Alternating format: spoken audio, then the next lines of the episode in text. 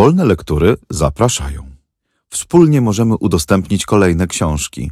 Wejdź na wolnelektury.pl i dorzuć się do biblioteki.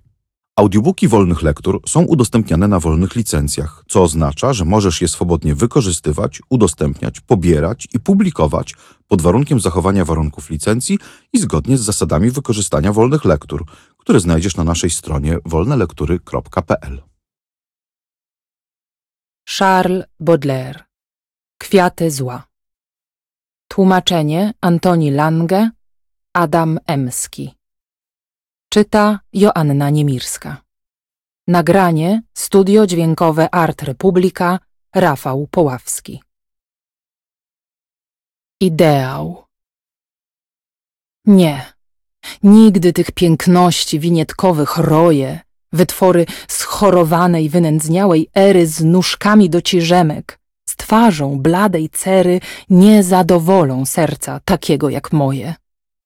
Niech gawarni, ten malarz istot z chorym ciałem weźmie swoich suchotnic, szczebiotliwe stada. Nie dla mnie z tego grona żadna róża blada, żadna się z mym nie zrówna krwawym ideałem.